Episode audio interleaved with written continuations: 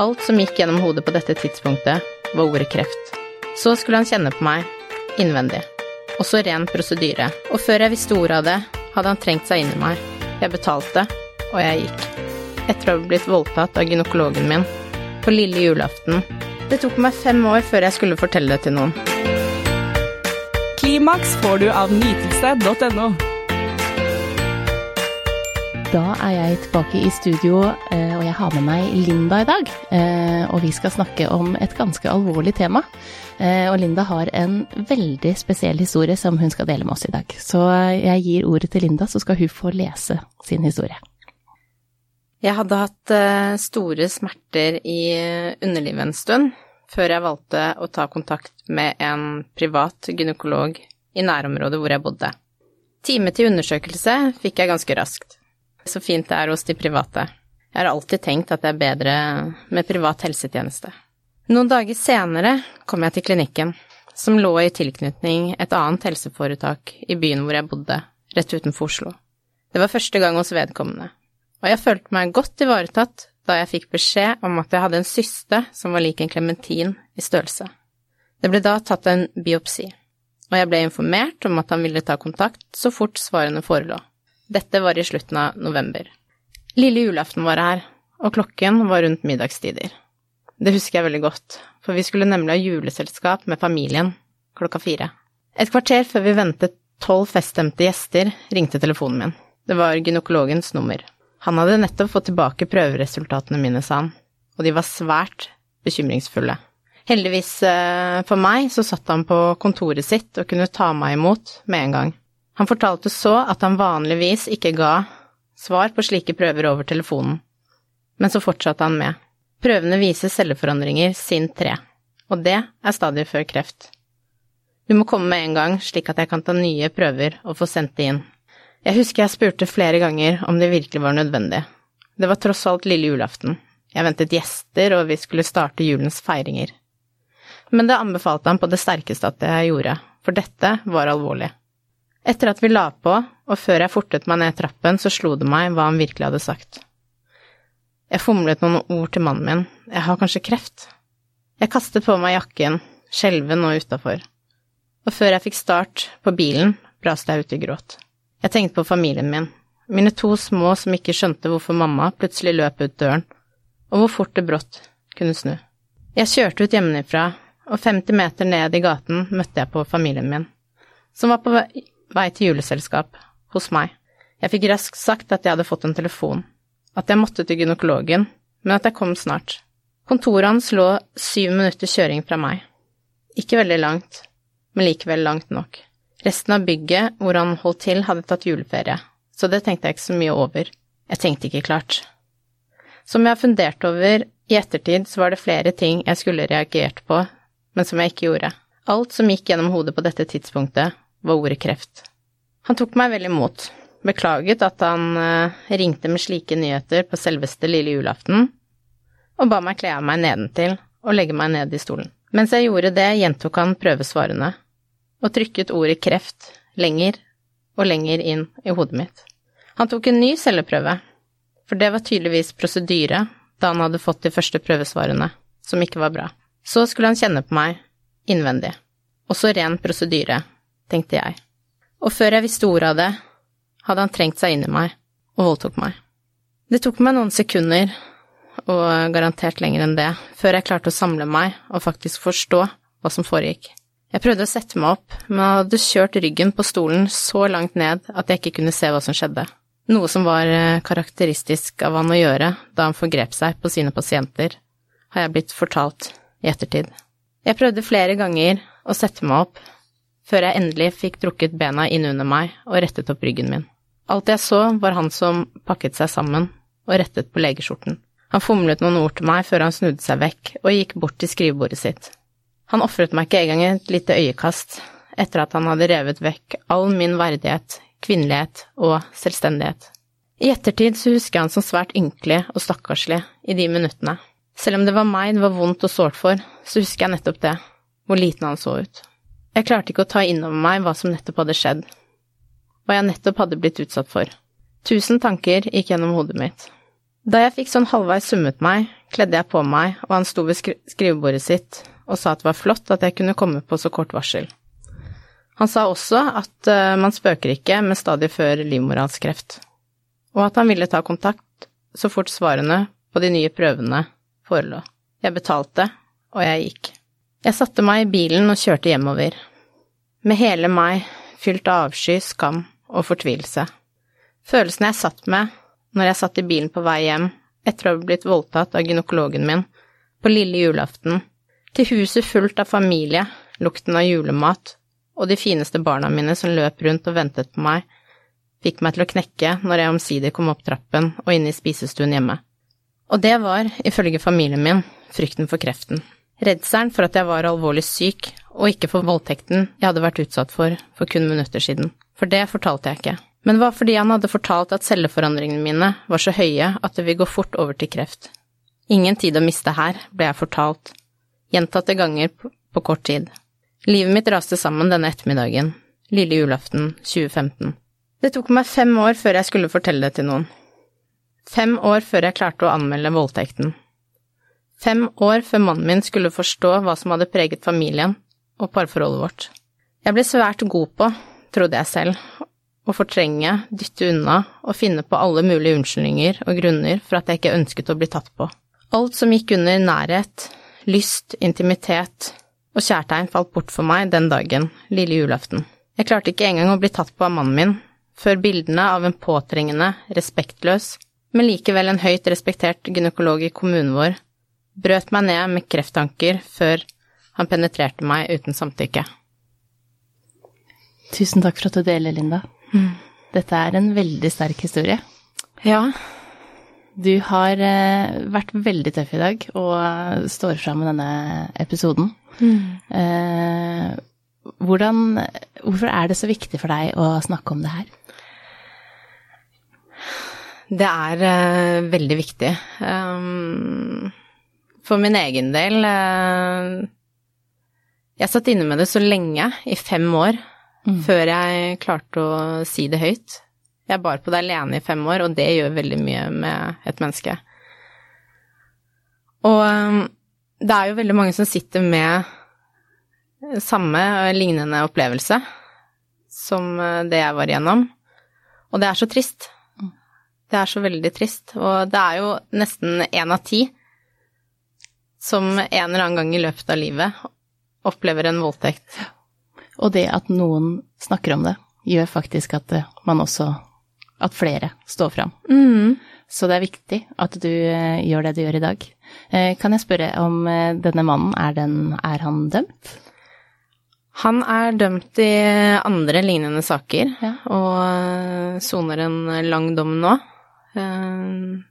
min sak eh, Jeg venter på at min sak skal komme opp, da. Mm. Mm. Hva var det som gjorde at du endelig klarte å, eh, å fortelle din historie? Eh, ja.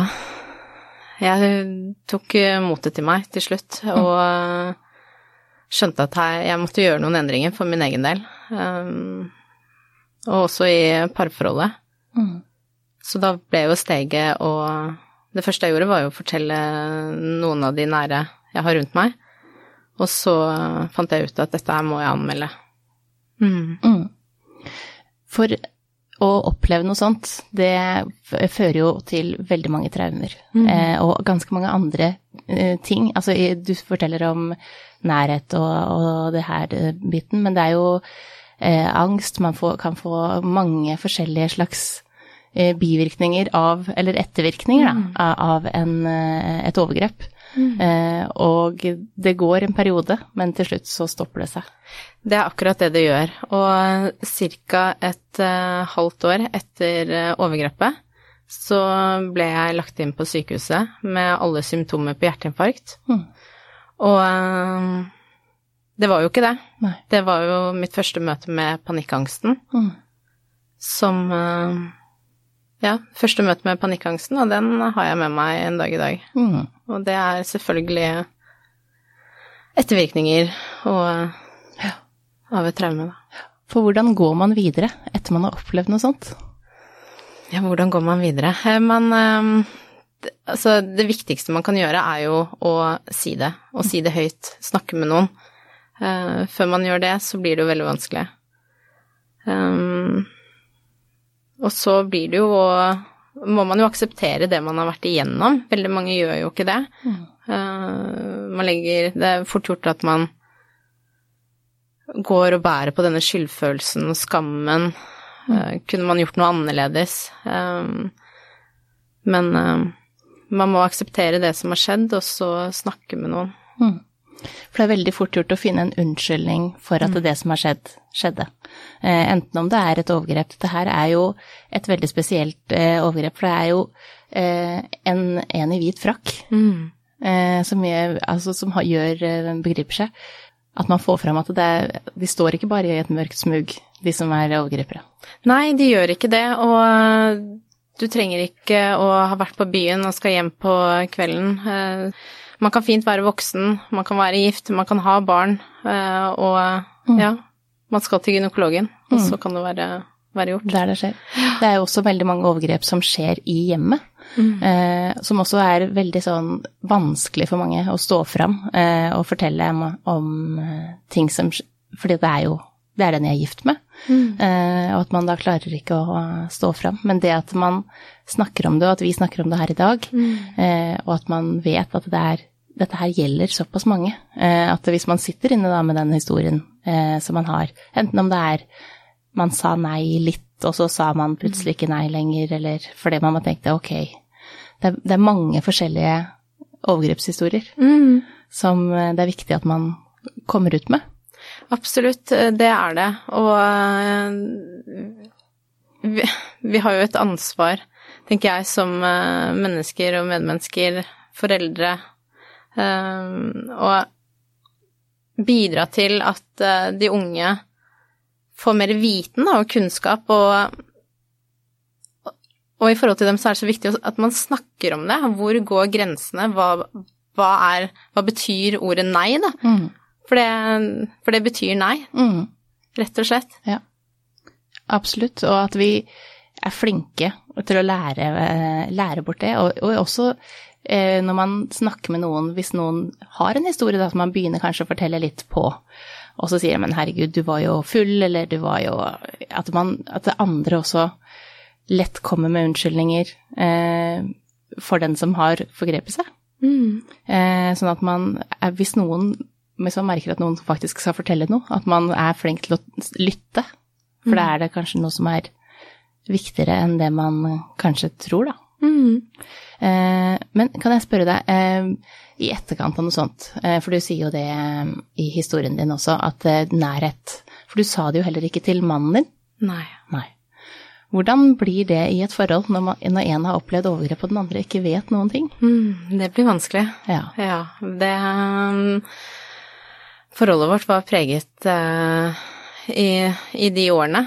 Veldig. Um, ja, altså man blir jo vanskelig. Uh, man ønsker ikke Jeg ønsket ikke nærhet eller bli tatt på.